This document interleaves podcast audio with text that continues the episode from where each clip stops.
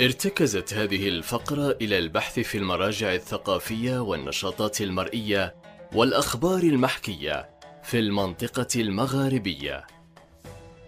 بودكاست حكاية مغاربية معي أنا عبد القادر قسمية.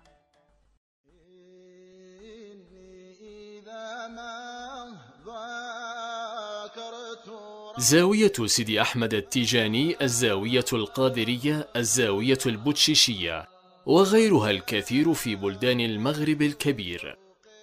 كلها أقيمت وعمرت تحت نهج الأولياء الصالحين والعارفين.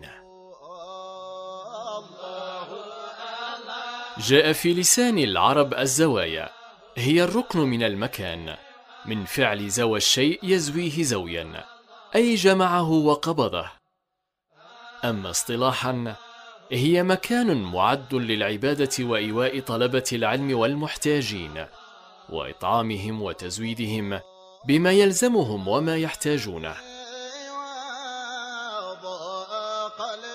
كانت الزوايا فيما مضى تسمى رباطا والرباطة هو المكان الذي يربط فيه الخيل للجهاد.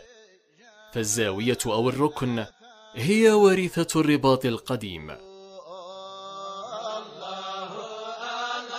تعد الجزائر إحدى أهم البلدان التي تعرف انتشارا واسعا للزوايا أو المدارس الدينية. فهي أماكن صوفية مؤسسة على فكر حسن التصرف في كل الأمور.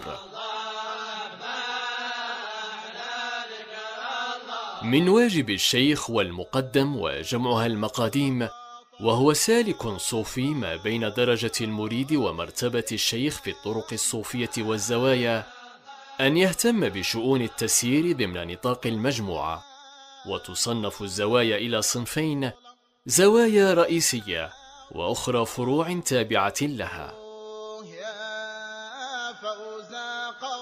يؤسس كل من الشيخ والمريد العنصر الحيوي لمعرفة الزاوية وذلك عن طريق البحث عن الحقيقة المطلقة من أجل بلوغ الهدف المنشود. معتمدين على الحب الصادق والورع والتقوى. ويعتبر هذا المكان رباطا للاعتكاف الروحي. وقد تطورت أهميتها لدى العامة. فأصبحت قبلة للناس لطرح مشاكلهم وانشغالاتهم. ومكانا يلجؤون إليه وقت النوائب.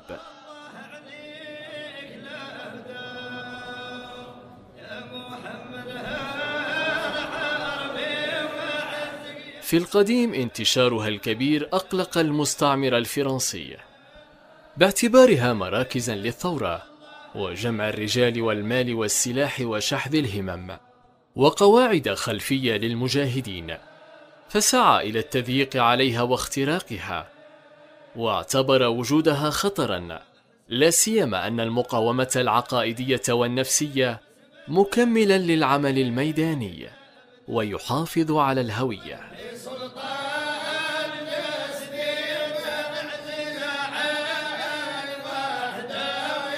شكرا على حسن الإصغاء والمتابعة. إلى اللقاء في فقرة جديدة من بودكاست حكاية مغاربية.